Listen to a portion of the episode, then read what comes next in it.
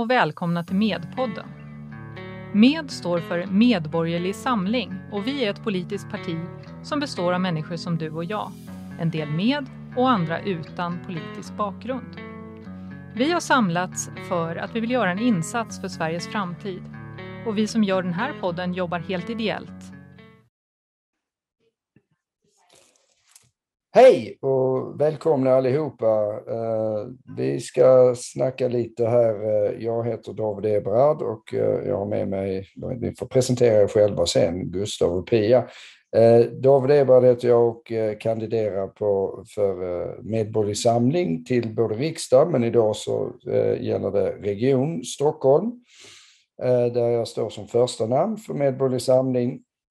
Jag arbetar som psykiater, varit chef i 15 år i olika enheter på, och verksamheter inom psykiatrin. Bland annat Sankt Görans psykakut eh, som eh, jag var chef i fem år. Jag eh, brinner väldigt mycket för eh, frågor eh, kring eh, sjukvård och därför är det rätt naturligt att jag kandiderar för regionen. Eh, min eh, mina hjärtefrågor ska vi väl återkomma till. Jag tänkte först bara börja med att presentera mig själv då som psykiater, överläkare, chef sedan länge. Nu går vi över till eh, Gustav Solar. Hej, Gustav Solar heter jag. Jag är specialist i allmänmedicin och är alltså läkare. Eh, jag har jobbat flera år inom primärvården och eh, har i grund och botten inga stora politiska ambitioner i sig. Däremot har jag väldigt stora ambitioner kring eh, hur svensk sjukvård ska se ut, inte minst inom den region där jag är yrkesverksam.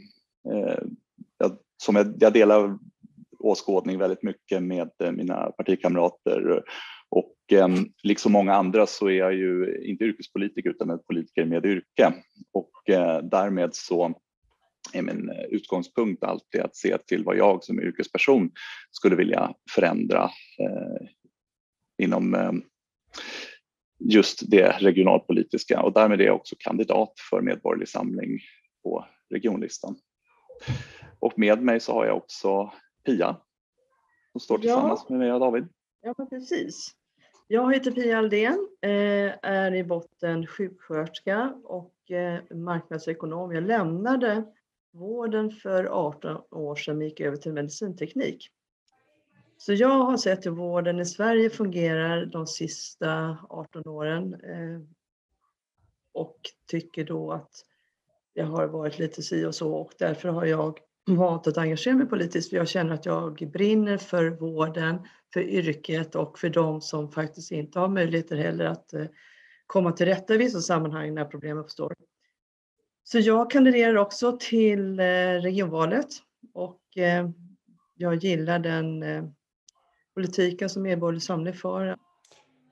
Ja, det är väl bra.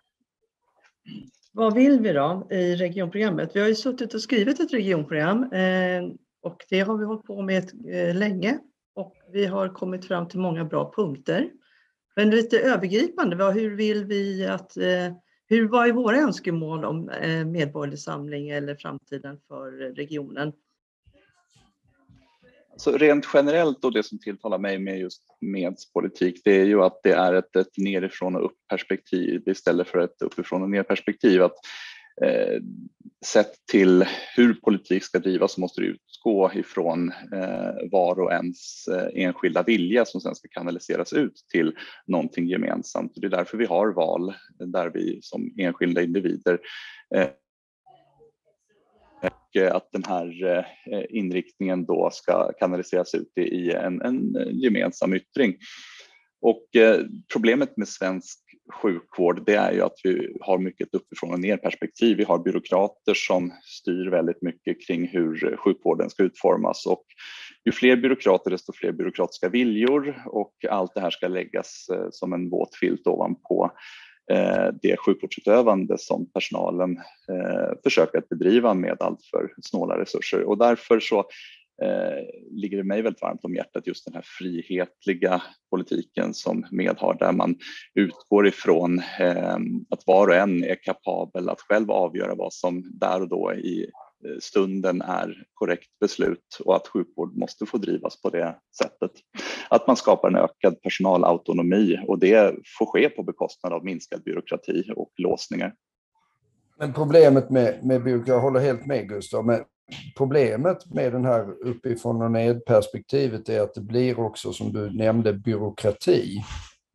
Där det också handlar om att personer som egentligen inte kan någonting om det här utan har administrativa tjänster ska beställa vård och då ska de beställa vård så blir incitamenten helt märkliga väldigt ofta. Jag har många exempel då eftersom jag varit chef på olika eh, vårdinstanser där Eh, Eh, man, man, får en beställning av en icke sjukvårdskunnig person eh, som helt saknar incitament, vettiga incitament. Incitamenten för all sjukvård måste ju vara att vi ska träffa så mycket patienter som möjligt och göra så bra, ge så bra vård som möjligt för de här patienterna. För det är ju patienten som är anledningen till att vi överhuvudtaget har någon sjukvård.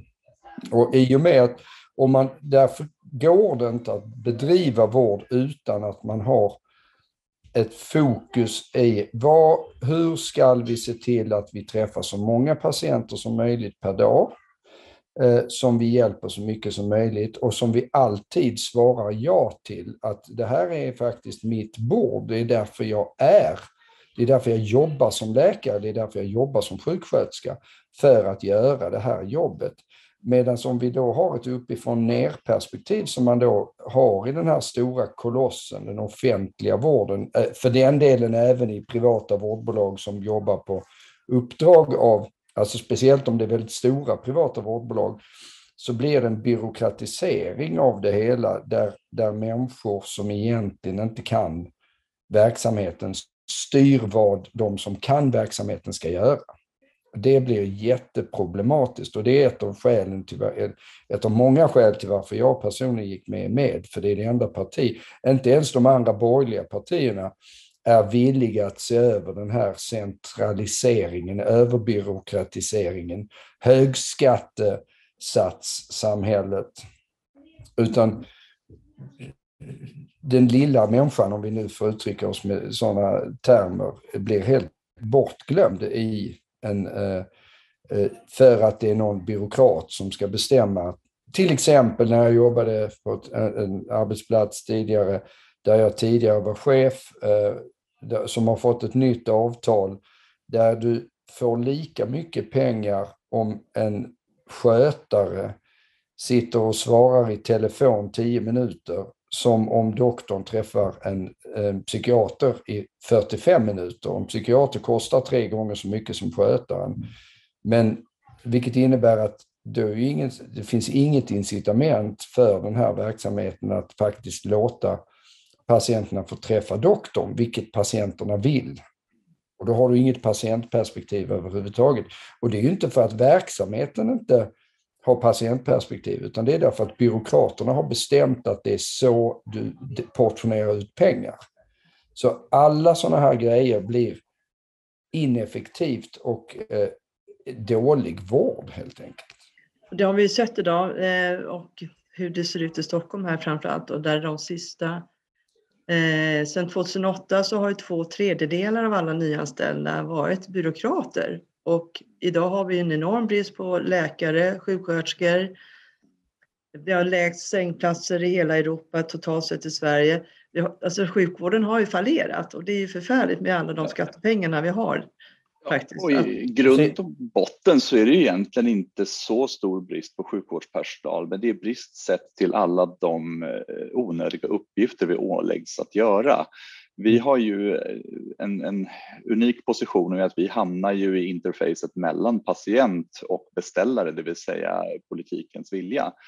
Och där får ju vi insyn i dels patientens förväntan och vi har ju ett, ett förtroende att förvalta gentemot patienten och sen har vi ju våra eh, beställare, det vill säga de som ger oss vårt jobb och vår uppgift. Eh, och där ska vi leverera det som har varit sjukvårdspolitiska visioner och kanske ibland byråkratiskt missriktade Eh, satsningar. Och någonstans, både som läkare men också som medborgare, så är man ju eh, en portvakt. Eh, dels sett till skattepengar, att det är ju vårt ansvar att se till att skattekronor förvaltas på ett bra sätt som gör att man får ut mesta möjliga eh, sjukvårdskvalitet, inte bara sjukvårdstid utan sjukvårdskvalitet per krona och där finns det ju både en, ibland en missriktad förväntan från patienten som kanske ibland bygger på att det finns en, en politisk signalering om vad vi eh, ska kunna leverera men också ibland en, en eh, övertro från byråkratin och en naivistisk syn på hur vi ska kunna bedriva sjukvård och en, en eh, syn också som inte är förankrad i hur sjukvård egentligen ska drivas för att vara effektiv och där är ju vi som yrkespersoner eh, ganska klämda emellan vad som förväntas från bägge håll.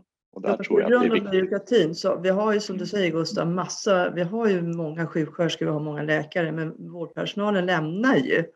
Det är det som är, de orkar ju inte vara i vården för att det är för jobbiga arbetstider, det har blivit eh, det, det, lönerna håller kanske inte riktigt fullt ut så att vårdpersonalen lämnar ju mm. framförallt eh, akutplatserna på sjukhusen och jobbar på andra ställen.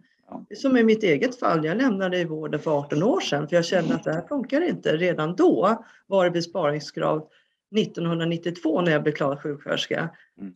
Då, det, är, är, är det är lång, det är lång, det har ju hänt under många, många år mm. tills att vi har den här problematiken idag. Det är inte brist på läkare, syrror, men det är brist på hur de gör med resurserna och varför man inte orkar vara kvar i vården. Men, men det här är ju tyvärr så att vår, och det är ingen som nämner det, men, men vi, vi drivs ju av en klassisk planekonomi. Eh, eh och vården är en klassisk planekonomi. Även de här så att säga, privata eh, utförarna drivs eh, inte enligt gängse... Man låtsas leka marknad, men i själva verket så är det en planekonomi där någon portionerar ut pengar och ett direktiv. Och så sitter någon människa, då behövs de här byråkraterna och räkna ut hur mycket vård som ska produceras hit och dit och så måste man, och så hamnar ju vårdpersonalen i att de ska fylla i blanketter och de ska göra, En, alltså det här att vi har väldigt mycket administratörer och byråkrater, det är ju inte, det är bara halva sanningen. Den andra halvan är att vi som jobbar i vården också är byråkrater och administratörer, vilket i sin tur leder till att Gustav sa det, vi har egentligen inte brist på vårdpersonal, men vi har ett effektivitetsproblem vi träffar för lite patienter därför att incitamenten är fel och vi har en massa andra saker som ska göras istället för att göra det. Jag menar, de människor utbildar sig till sjuksköterskor och läkare för att träffa patienter, inte för att hålla på med byråkrati. jag menar, det, det, det kanske en, en naiv förhoppning, men någonstans önskar man ju att man träffade fler patienter än A4-papper på en dag. Nu är ju förhållandet det omvända, fast med en faktor 100. Mm. Eh, och det, är ingen, det finns ingen vinst med de här papperna som man sitter och vänder fram och tillbaka. Det, det är bara ett sorts sätt att, att underhålla en, en byråkrati som föder sig själv. Absolut. Kunde inte sagt det bättre själv, Gustav. Så jag har jobbat i offentlig vård i 13 ja, år. Jobbade ja, det, är en, det är ännu det är, värre inom det offentliga. Det är ännu värre. Det, det, är ändå så att de här, det är väldigt mycket snack om vinster i välfärden och att det är väldigt negativt. Eh, men, men grejen är ju den att det är ju negativt om det är så att eh, incitamenten för bolag är att eh, inte träffa patienter. Men de flesta upphandlingar, även om jag är negativ till upphandlingar av det skäl jag sa, att de producerar en byråkrat som hittar på vad vi ska göra och det är inte förankrat i vad vi faktiskt borde göra. Men det är fortfarande på det sättet att eh, sen man började med, jag menar jag kan ta min egen verksamhet, eh, innan, innan det blev privata upphandlingar eller privata aktörer, eh, då träffade en psykolog i genomsnitt en och en halv patient per dag i offentlig vård. En och en halv patient per dag. Det är klart att privata aktörer kunde tjäna en del pengar på att träffa fyra, fem patienter per dag om alla gjorde det. Men, så, så att då är ju problemet är inte den privata aktören. Problemet är att vi har en kolossal superineffektiv sjukvård och dessutom förenat med en nationell självbild om att vi har världens bästa sjukvård, vilket vi inte har. För det, i alla undersökningar så är den bästa sjukvården i världen, i, eh, beroende på vad du mäter, så är det, etta kommer Holland eller Frankrike, möjligen Schweiz när det gäller vissa frågor. Det är den bästa sjukvården och vad har de gemensamt? Jo, de har gemensamt att de har en försäkringsbaserad sjukvård med ett golv. Så det är inte som i USA att du står plötsligt utan försäkring, utan du har ett försäkrings, försäkringslösningen är positiv därför att den, den, den ger rätt incitament per automatik, det vill säga du, du kommer att tjäna på att träffa mycket patienter. Medan du har ett golv Eh, som, som gör att du, kom, du som medborgare kan aldrig liksom stå utan försäkring som man gör i USA. Och jag fattar inte varför vi inte de ser, vi har haft 20 år på oss att titta på de, de länder i världen där sjukvården fungerar bra. Istället så har vi en löjlig diskussion om vinster i välfärden och så låtsas vi leka marknadsekonomi med sovjetisk planekonomiska medel. Tyvärr kan ju vi i regionen inte förändra det, men däremot kan vi förändra regionalpolitiken så att den åtminstone är incitamentsmässigt vettig. Som fri etableringsrätt till exempel. Ja, men exakt. Vi har ju vår grundläggande politik, vad vi vill ändå på lång sikt. Alltså vi har ju en önskan vad vi vill med regionerna i Sverige generellt och gå åt ett annat håll som vi var inne på med försäkringslösningar. Det är väl bra för Kan jag dra upp den gamla sloganen som eh, var och varannan har hört att jag, jag är inte emot vinster i välfärd, jag är emot förluster i välfärd och det är väl lite det som, som eh, karaktäriserar Meds politik också. Det är eh, all ineffektivitet och alla förluster vi ska åt. Mm. Och vinster är väl snarare egentligen en, en pådrivande kraft och jag tror att väldigt många reagerar när de hör att ja, det var en framgångssaga David beskrev det, att vi gick från en och en halv patient till fyra. Men om man reflekterar över fyra patienter på en hel dag, en arbetsdag. Alltså en... Borde ta åtta om man är psykolog. Ja, alltså jag pratar alltså... om psykologer här. Ja. Men de borde lätt klara åtta ja. utan, utan att tulla på kvaliteten. Ja visst. Och, och, det är ändå liksom där, det, det, är ändå någonstans en yrkesstolthet i, i det här att liksom ska jag verkligen sitta av den här tiden och inte leverera full kvalitet för de pengar jag får. Men problemet ligger inte hos individen egentligen. Problemet ligger ju i, i hur beställarsystemet ser ut, att det ger eh, inga incitament överhuvudtaget att jobba mer för att det är som hamsterhjulet. Ju snabbare du springer desto mer matas det på och det finns ingen egentlig vinst eller mål med det. Eh, och där är ju politiken felaktigt utformad. Men vi saknar ju primärvårdsläkare ändå. Gör vi inte det? Även om vi säger att vi har fullt med eh, läkare och sjuksköterskor. Är det inte en brist? Det är väl det vi har sagt lite grann, att det är en brist ändå på primärvårdsläkare så att vi kan inte bygga upp den vård vi vill idag. För att incitamenten för att starta de här eh, privata vårdcentralerna har ju inte funnits. Mm. Ja, men alltså rent generellt om man tar frågan och det här är ju eh, den, den the, the hot topic kan man säga, det som alla politiker pratat om de senaste tio åren. Och vi måste satsa på primärvården och, och, det pratas väldigt varmt om det, men i stort sett ingenting händer. Och jag menar, jag är ju aktiv i primärvården. Jag är ju inte bara läkare, specialistläkare inom primärvård. Jag är också vårdföretagare och har, driver och startat flera vårdcentraler och även vaccinationsbolag och liknande, inte minst i glesbygd.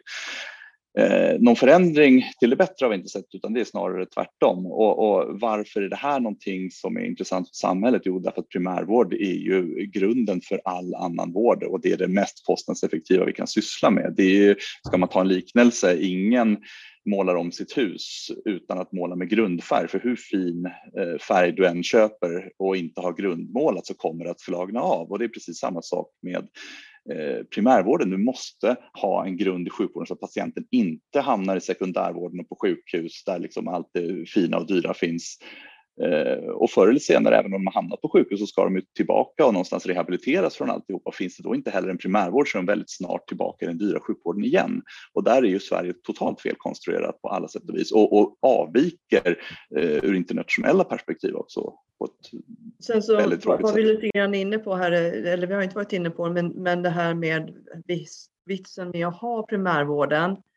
David, du nämnde kan om någonting. Jag, jag kan ju ta en, vän, vän, Ja. en god vän till mig som var inlagd på infektion under flera veckors tid alldeles nyligen. Eh, och han hade svår sepsis och var jättesjuk. Eh, under den tiden berättade han för mig eh, så hade de en ny policy på infektion och det är för att det de, de har blivit lite mindre pengar. Den här planekonomiska plånboken hade då blivit lite mindre.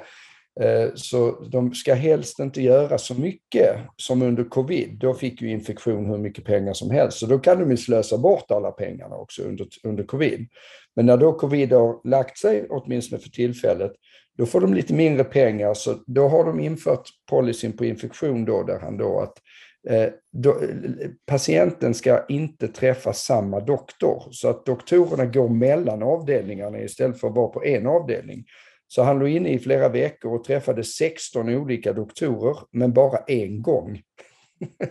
och då, Då förstår man ju att kvaliteten blir därefter. Ja. Och därför vill vi ha, så är det så viktigt det- att ha primärvårdsläkare som kan sin Ja, så där äger får ju håret att resa sig på en alltså när man hör sådana här saker. För det här är ju, eh, mer fel än så här kan det inte vara i vilken skolbok som helst du öppnar. Det, och, och det talar än en gång för varför vi måste satsa mer på primärvård. Jag, man ser på sin egen yr- yrkesroll då som läkare i primärvård, vad är jag egentligen? Jag är ju eh, patientens advokat i sjukvårdsfrågor. Jag ska företräda patienten. Jag har ett kunskapsövertag och patienten litar på mig och jag ska vara den som plöjer fram och ser till att patienten får sin rätt i sjukvården. Eh, Så med och- politik så skulle du i min väns fall ha ringt sjukhuset och sagt vad håller ni på med? Eh, Ja, Hur- ja, alltså Ja. en, en, man ska, man ska ha, man ska ha en, ja, man ska ha en, en fast primärvårdsläkare som man litar på, så man har eh, en, ett eh, långvarigt patient-läkarförhållande med. Jag känner patienter, jag känner farmor och mormor, jag känner barn och barnbarn, jag känner varenda en och jag känner till sjukdomshistoria. Hur kan de här 16 läkarna, eller hur många det nu var, ha hunnit läsa in sig på de här patienterna och förstå patienten i botten? Men om vi bara jämför med våra nordiska grannländer. Jag vet inte om ni läste den här eh, genomgången i tror jag, Svenska Dagbladet som visade att i Norge, Danmark och Finland, där har ju folk sin egen doktor i primärvården till 80-85 procent i alla fall. I Sverige var motsvarande siffror runt 30 procent. Mm. Det säger att vi har ett fundamentalt grundläggande systemfel i Mm. Sverige. Och jag kan lova dig att de där 30 procenten, om du frågar dem vad heter din doktor? Så Då vet är det- inte det heller. Nej, nej, de är bara placerade där av byråkratiska och ekonomiska skäl. Har någon skrivit upp dem på en läkare för att ersättningssystemet ser ut på det sättet? Hur många har den här relationen till doktorn som man faktiskt behöver? För det gör man kanske inte som en vanlig person mitt i livet, men någon som har lite krämpor, som är lite multisjuk, kanske är lite äldre och kanske behöver lite återkoppling årligen. Och jag menar, det är ju mer effektivt. Träffar jag en patient jag har träffat fem, sex gånger tidigare, inte behöver jag läsa in mig på alla detaljer heller, utan jag känner till det Jag, mesta. jag, har, jag har en doktor på en vårdcentral i, i, i eh, Stockholm och jag har haft så här, jag hade borrelia i mitt knä eh, vid något tillfälle. Jag hade också sepsis vid något tillfälle och skar mig i fingret. Jag, jag träffar den här människan som jag är listad hos. Jag har aldrig träffat henne. Jag träffar olika doktorer varje gång. Jaha, ja, för det är för lång väntetid. Det kan, så är det. Jag har också Ja, ja. en som är listad till, men det är för långt. Så man får vänta även om du, även, jag, vet, Ja. jag vet vad hon heter. Jag skulle i en sån undersökning, precis som Gustav säger, jag skulle säga ja det heter min doktor, men jag har aldrig träffat henne. Men det är ju här det blir fel i primärvården, för primärvården ska ju avlasta akutvården och i och med att primärvården inte funkar och du behöver ringa din läkare och få kontakt med den personen och du får vänta fyra veckor, då har du ju Ja, hunnit dö ibland. Om, Så har du tio timmars väntetid på Ja, SÖS. ja. Nej, men det, det är ju kaos alltihopa. Men är det bara fri etableringsrätt som kommer att hjälpa eh, att, oss att bygga upp primärvården igen? Eller vad, vad, är, vad är det Det mer finns, för ja, ja, alltså det finns många frågor i det här, men Jag ser ju också men... det här att med byråkratin, nu kanske jag är ute och snurrar, men jag ser ändå med byråkratin och jämför med England då, och eh, deras husläkarsystem de hade när jag var där. Nu är det många år sedan de kan ändras, men då satt ju en husläkare, hade sin lilla privata klinik hemma i sitt rum någonstans i sitt boende. Och så visste man, gick man dit, det var inget märkvärdigt, men han kunde sin sak, han kände patienterna, han gjorde sitt jobb. Det, det, idag i Sverige det är så otroligt styrt allting så man kan ju inte göra, starta enkelt eh, en, en verksamhet. Utan det ska ställas massa krav som, som egentligen är helt onödiga det skulle vara, alltså det finns mängder med saker man, man, kan göra, men det är en väldigt enkel sak att låta människor starta sina, precis som du beskriver Pia. Ja, eller hur? Det kan och, inte vara så svårt. Och, och så liksom. följer pengarna patienten. Ja. Och, så, och, och är, är, du en dålig läkare, då, då får du inga pengar och då får du inga patienter. Det, det löste ju sig självt så att säga. Ja. Är inte patienten nöjd så kommer den inte tillbaka. Är den nöjd så stannar den kvar och därmed så har man då incitament att fortsätta bedriva samma typ av goda vård för att det finns också en ekonomisk jag, trigger. Jag måste vara djävulens advokat här.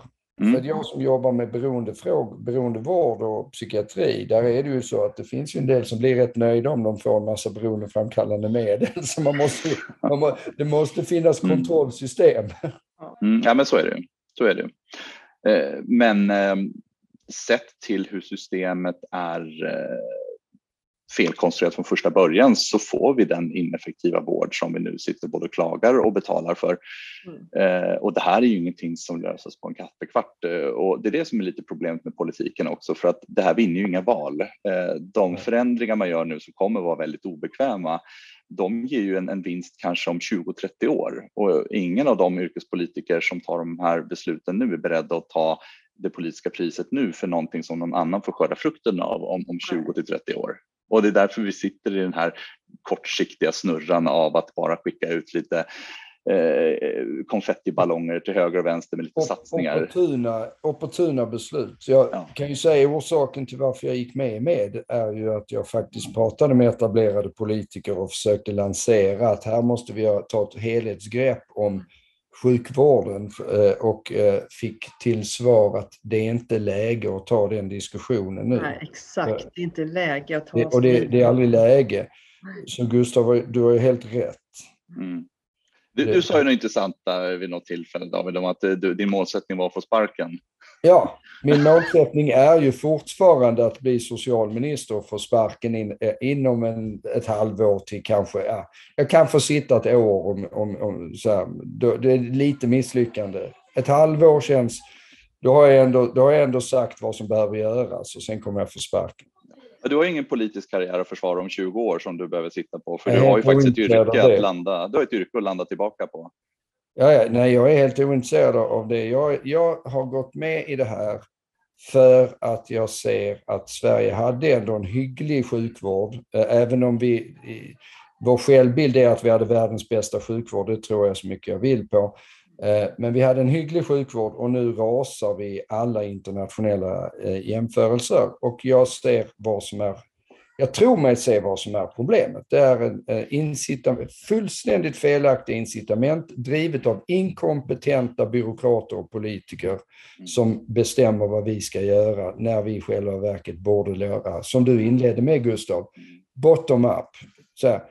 Och det, det är det som har drivit mig som chef. Hela min grundidé när jag har varit chef är att chefen eh, ska inte hålla på och peka med hela handen. Chefen ska kolla vad, vad kan jag göra för att mina medarbetare kan träffa så mycket patienter som möjligt.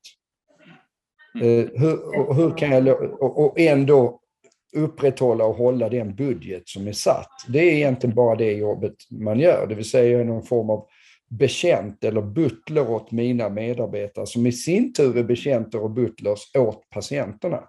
Mm. Ett problem vi har också är då när man tittar på privata sidan, de här, de här upphandlingarna som blir och då, det är ett av mina områden som jag brinner för mycket. Det är också psykiatrin då, eftersom jag har, har inom familjen en dotter med psykisk ohälsa och sett hur vården inte fungerar.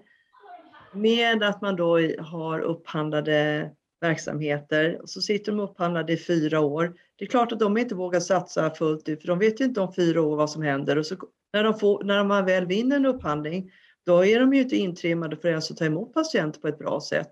och engagerade så måste de ju börja på ny kula igen. Upp, upphandlingssystemet är ju helt idiotiskt. Ja, men det är förfärligt. tid- Tidsbegränsad, eh, tidsbegränsad eh, grej och där man sitter med papper. Jag har ju varit med om de här upphandlingarna Mm. flera gånger.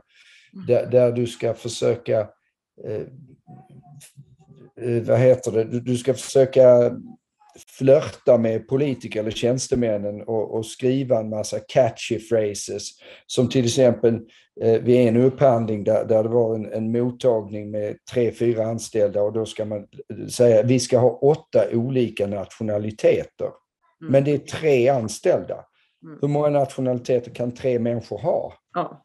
Nej, men det är det som stökar mycket inom vården idag det, och det är, det är kanske det man ska förklara lite grann också, tänker jag. Att inte de, våra sjukhus har ju upphandlingar med, med utrustning och så här, men just de här privata upphandlingarna som vi ändå är beroende av när de är på så kort varsel får ju hela tiden, just när man har vissa åkommor som psykiatri och ohälsa, det har du kanske livslångt eller livsfarligt. Och att du då bor på ett ställe och du har din psykiatri, psykiatriska vård, men plötsligt om fyra år, då försvinner hela, hela teamet i princip. Nej. Och så kommer det nya människor som ska ta hand om dig och sätta sig in i ditt ärende och har ingen Eller- historia. Det, det är ändå i ärlighetens namn förmodligen, även, även om den som driver vården byts ut så brukar det vara ungefär samma människor. Men de får helt nya direktiv vart fjärde år. Okej. Ja. Man måste ägna enorm energi åt att ställa om till den nya byråkratins krav. Och jag menar, i, i grund och botten får man ju fundera på så här att det här är ju regionsmedborgare som betalar för en extremt dyr produkt med undermålig kvalitet. Eh, vi betalar enorma summor som skärs emellan på mitten i byråkratin och som späds ut och sen när det väl produkten landar i knät på patienten så är den fullkomligt undermålig. Mm. Och då är det mittensegmentet där vi måste så- fundera på hur ser vi till att dysfunktionaliteten försvinner. Mm. Och det, och det måste handla om incitament att... Jag menar nyckel, nyckelfaktorn för god vård måste vara att du, att du får den i tid. Al- Alltså, jag menar om du har tio timmars väntetid på SÖS som, som genomsnittstid på akuten och, och du har en vårdcentraler som är orsaken till varför du har så lång tid på akuten är ju därför att folk inte kan träffa sin eh, husläkare som de borde träffat och därför där är för lång väntetid. Så väntetiden är ju allt. Jag menar, det är många som säger att ja, blir man väl sjuk, ja det är klart att det finns duktiga doktorer och, och du Mm. får bra vård. Men kommer du inte in till vården så är det klart den är kass. Nej, Och, och om jag förstår det hela rätt fortfarande, när jag var inom vården så var det stora problemet var ju när, när man eh, var på akuten, det var att det fanns inte sängplatser då för 20 år sedan när jag lämnade på sjukhuset. Så att du kunde ju inte bli av- med patienterna på avdelningen. Dels är det Det finns färre sängplatser nu.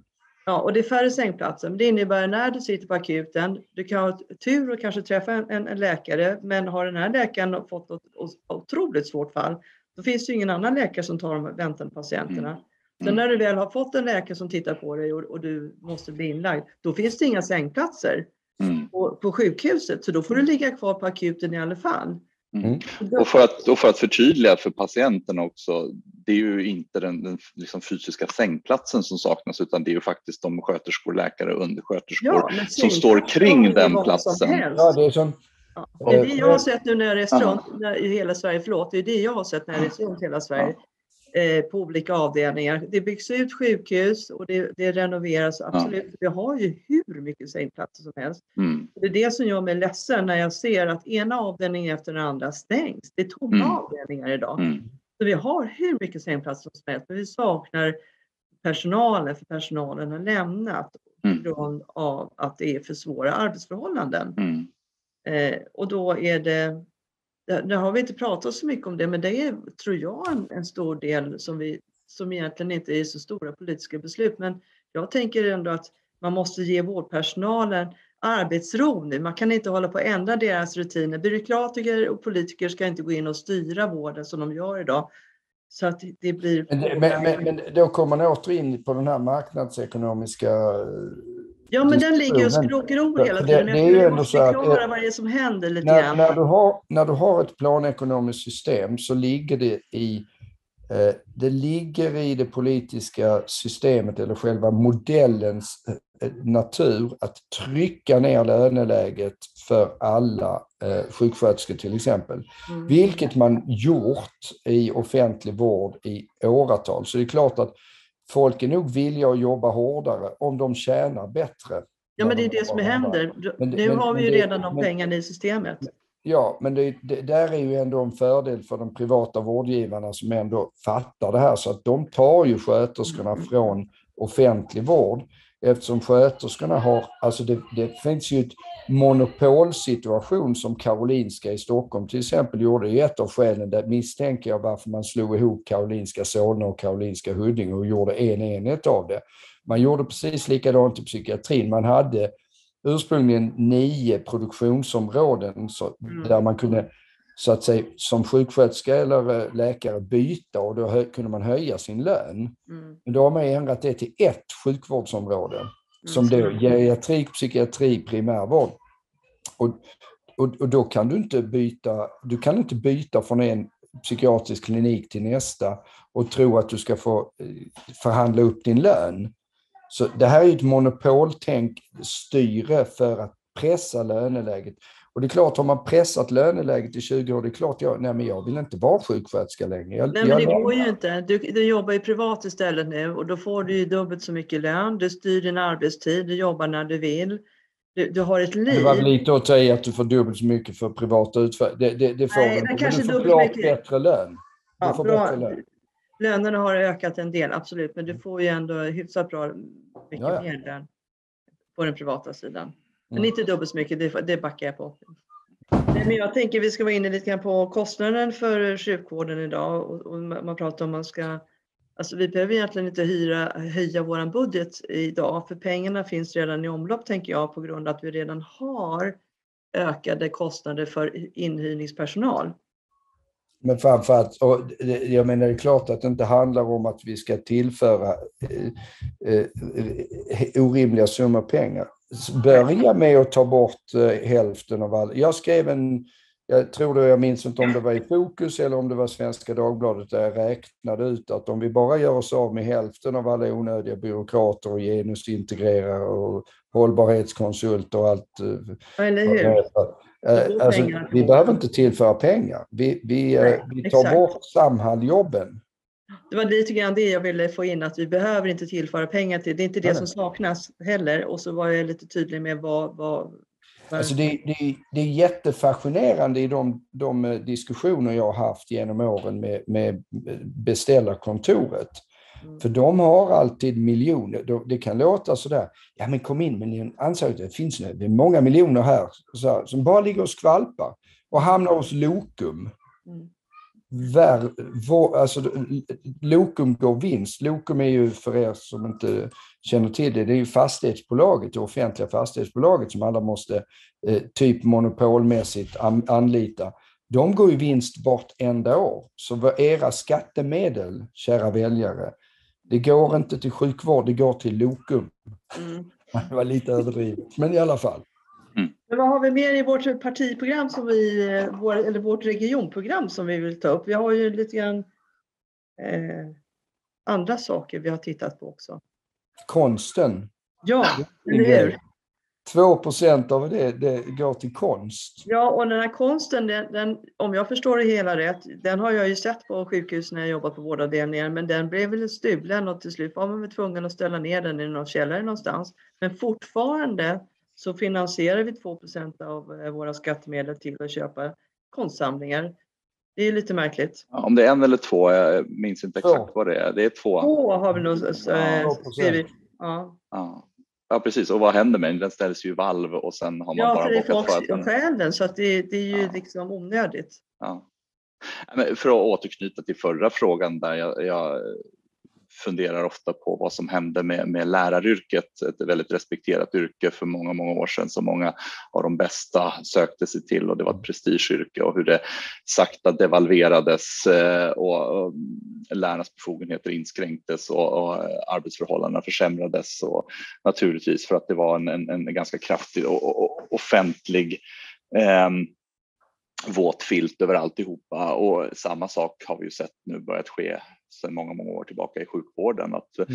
eh, autonomin hos sjukvårdspersonalen. Min mamma var lärare, hon är född på 30-talet. Jag kan säga att det var ett super... Äh, det ja. var ett yrke med mycket hög status. Och sen ja. under hela hennes yrkesverksamma karriär så sjönk statusen ja. till där det är idag. Och det är det vi ser. Precis. Ja, och, och, och, och vad gör, gjorde man liksom inom, sjuk, inom skolan? Då? Jo, man började ju ta in allt färre behöriga lärare. Eh, man tog in eh, studenter och man tog in eh, folk som inte hade en pedagogisk utbildning och man liksom urvattnade hela man yrket. Man sänkte lönen. Ja, och, och om man nu tittar på sjukvården, vem skulle vilja ha en obehörig läkare som tas in som en vikarie? Det liksom, någonstans måste man ju börja fundera på, är det rimligt att låta sjukvården gå samma väg som man lät skolan gå en gång i tiden? Ja, vi har väl redan gjort det lite grann. Ja, men, Men problemet är att det finns ju ingen där att ta de jobb som läkare, sjuksköterskor, undersköterskor, eh, laboratoriepersonal och annan högkvalificerad personal redan gör. Det finns liksom ingen obehörig att bara plocka in när nej, vi till slut jag, tröttnar. Jag, jag tror, det, det, kommer inte vara att man obehörighet, utan det som händer är att man gör onödiga saker. Man har eh, tryckt ner löneläget för stora grupper eh, i och med att incitamentstrukturen är helt fel. Mm. Ja, vi lämnar yrket till slut. Precis. Men och då lägger man ner. Ja, men vi har ju också varit inne på en sak och det är det här att vi faktiskt vill ha önskan om att återinföra sjukvårdsbiträden igen.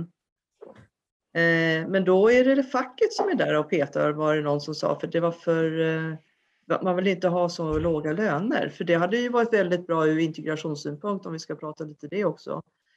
Och att man har vårdbiträden som tar hand om de här jobben som faktiskt väldigt många klarar av utan att man har gått en högskola. Det är det som sker idag. Det finns extremt mycket outnyttjad eh, hög kompetens hos undersköterskor som faktiskt skulle kunna komma sjukvården till gagn och samma sak vad gäller sköterskor. Ja. Eh, och har man nu brist på både sköterskor och läkare så behöver vi egentligen se över vad är det som bara en läkare kan göra och bara en sjuksköterska kan göra. Och om sanningen ska fram, en sjuksköterska kan göra bra mycket mer än vad hon just nu anses kunna göra. En undersköterska samma sak, bra mm. mycket mer ansvarsområden skulle de kunna ta. Mm. Så det, hade det här kommer aldrig till stånd om det inte kommer nerifrån upp. Mm, så är det. Jag menar, jag vet ju den extremt höga kompetens som finns hos de undersköterskor och sköterskor och läkare jag jobbar med. Mm. Jag vet ju vad de är kapabla till och det är egentligen eh, frustrerande för alla parter att se att vi har någonstans hämmas av ett system som är ja, bakåtsträvande helt enkelt. Mm. Mm. Jo, men vi har väl varit inne på det då, att vi i Medborgerlig Samling vill återinföra biträden igen. Men det, och då var det någon som nämnde att det är, är igen något, något, något, politiskt styrt att det inte går att göra. För det borde man kunna göra ganska snart, tänker jag. Mm. Och det är, också, det är ju mer en, en rikspolitisk fråga och mer en inställning eh, Absolut. i allmänhet att, att mm. någonstans anses det finare att vara bidragstagare än att vara låglönearbetare. Mm. Och det är väl lite det som är en, en, en felaktig signal som det här samhället har lärt sig acceptera. Ja, precis hamnar vi lite utanför vårt regionprogram, men det är väl bra. Det var bra. Också. Ja.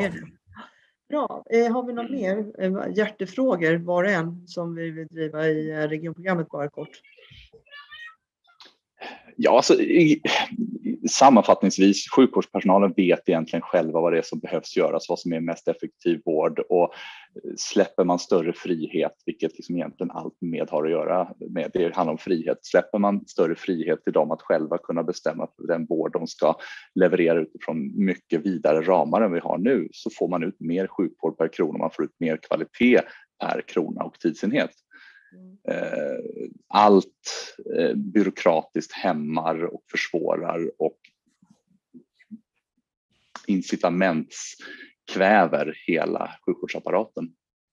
Precis, och jag, du får ta din sista David här, din fråga. Men min igen då, psykiatrin och, och ohälsan så var vi inne på, har vi skrivit i våran, vårt regionprogram för Stockholm att, att vi vill ha någon form av hälsomötesplatser det här är en, en, eh, konstruktion som finns i Danmark, Där heter det Headspace, men där skulle då finnas mötesplatser för barn och ungdomar som upplever att de har psykisk ohälsa och eh, fånga upp de här barnen, för det är ju det som är ett problem också har vi pratat om, inte här, men eh, i vårt regionprogram, att problemet idag också när det gäller psykiatri och psykvården att det är väldigt många som tar plats idag inom psykiatrin, söker psykiatrivård men egentligen inte är i behov av det.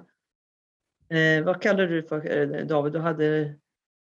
Eh, alltså... Nej, nej, men alltså det, det, det, stora problemet är att man har gått från en, en eh, underdiagnostisering av psykiatriska tillstånd till det vi ser idag, där man inte särskiljer vad som är psykiatri från vad som är livet eller svårigheter som då skulle tas om hand på en hälsocentral. Alltså, det, överhuvudtaget så sker ju utträngningseffekter. Eh, om vi säger varför, varför är köerna på akutsjukhusen så långa? Jo, det är en utträngningseffekt delvis från, från vårdcentralen. Mm. Eh, och på psykiatrin så är det ju så att om, om, om hela psykiatrin är full med människor som faktiskt skulle kunna ha bättre nytta av att hantera det här på någon form av hälsocentral, då tar de ju plats från den kategori som faktiskt behöver psykiatrisk vård. Ja, och de orkar ju inte gå kanske och söka sig till vården för, för, att de är så dåliga och då var vi inne på att man kanske skulle ha sådana hälsomötesplatser Ja, ja där, där man bara... det, det, är en, en lösning på det här. En lösning. Och fånga upp, ja, fånga upp de här. Alltså man, man, gör ett skifte från sjukvård till hälsovård även i psykiatrin. Det här ja. är man pratar hela tiden om att man ska ha hälsovård, man ska vara förebyggande. Mm, mm. Men du, du, du avsätter i princip inga pengar på det därför att du äts upp av att det har en dysfunktionell sjukvård och du klarar inte ens av att fixa den. Hur ska du då kunna bedriva förebyggande vård. Skiftet där är för kostsamt rent eh, tidsmässigt eller tankemässigt eller ekonomiskt också för den delen. Det hade ju också varit en lösning för att avlasta psykiatrivården i alla fall. Eh, Lätt. Man fångade upp och sorterade bort de här som inte Sortera behöver... bort de som, ja. som faktiskt skulle behöva, som har problem med att de inte livet. Klarar, livet eller, eller ja, men... för, förberedande för vuxenvärlden och inte riktigt ja. klara det. De mm. behöver inte gå på psykiatri. Nej. Och det är har... okej att vara ledsen en dag utan att man är psykisk... Eh... Ja, det är, man ska inte klappa dem på huvudet men, men, men att, det, det, så att säga, det, det är kanske inte så att vi ska bombardera den, den gruppen med antidepressiv medicin utan vi ska hantera det på ett lite klokare sätt. Mm, precis. precis. Ja, nej, jag vill få med den biten med psykisk ohälsa, mm. för jag tycker det är, det är min hjärtefråga som sagt var. För jag, jag eh, har sett hur det inte funkar och just det här hur man blir, eh, som ung får ett piller instoppat och sen så är det liksom, eh, så får man gå hem. Och sen är det utredning igen efter tre månader. Och, och nej, det, det, är förfärligt hur, hur vården funkar måste jag mm. säga. Alltså det handlar ju om att, att sjukvården i tidigt skede måste möta medborgaren innan den blir en patient. Exakt. Och det, det är ju där sjukvården fallerar för så fort de kommer i, i egenskap av patient eller sjuk patient eller mycket sjuk patient så blir kostnaden större, arbetsinsatsen tuffare, patientens lidande blir större. Eh, och hur kommer man till rätta med det? Jo, du måste ju flytta sjukvården närmre patienten och där är ju primärvården eh, nyckeln till allt det och det har vi misshandlat i det här landet i så många år. Gå nu och rösta på med i regionen där vi har rätt så stor chans utifrån op opinionsundersökning som sa att 6,2 procent eh, röstar på övriga partier. Vi vet inte vilka partier det är, men det är 3 procent spärr i regionen. Så med har stor möjlighet att komma in om man bara går och röstar. Mm. Och röstar man på med så får man också en yrkesverksam person, inte sällan med en, en eh, bas i sjukvården och vi, eftersom vi inte är eh, politiker så har vi faktiskt någonting att falla tillbaka på och därmed så kan vi ta tag i de riktigt svåra frågorna utan att vi blir rädda för att och eh, förlora jobbet helt enkelt, för vi har faktiskt ett jobb att falla tillbaka på. Exakt, vi är eh, inte yrkespolitiker utan vi är politiker med yrken. Du som har lyssnat på podden, återkoppla gärna till oss i Medborgerlig Samling i kommentarsfälten. Du har nu lyssnat på Medpodden, en podcast från Medborgerlig Samling. Vi som gör den här podden jobbar ideellt. Och om du vill stödja Medpodden får du gärna göra det via swishnummer 123 094 0197. 123 094 0197 Pengarna går till produktionskostnader för den här podden och andra mediaproduktioner som vi gör.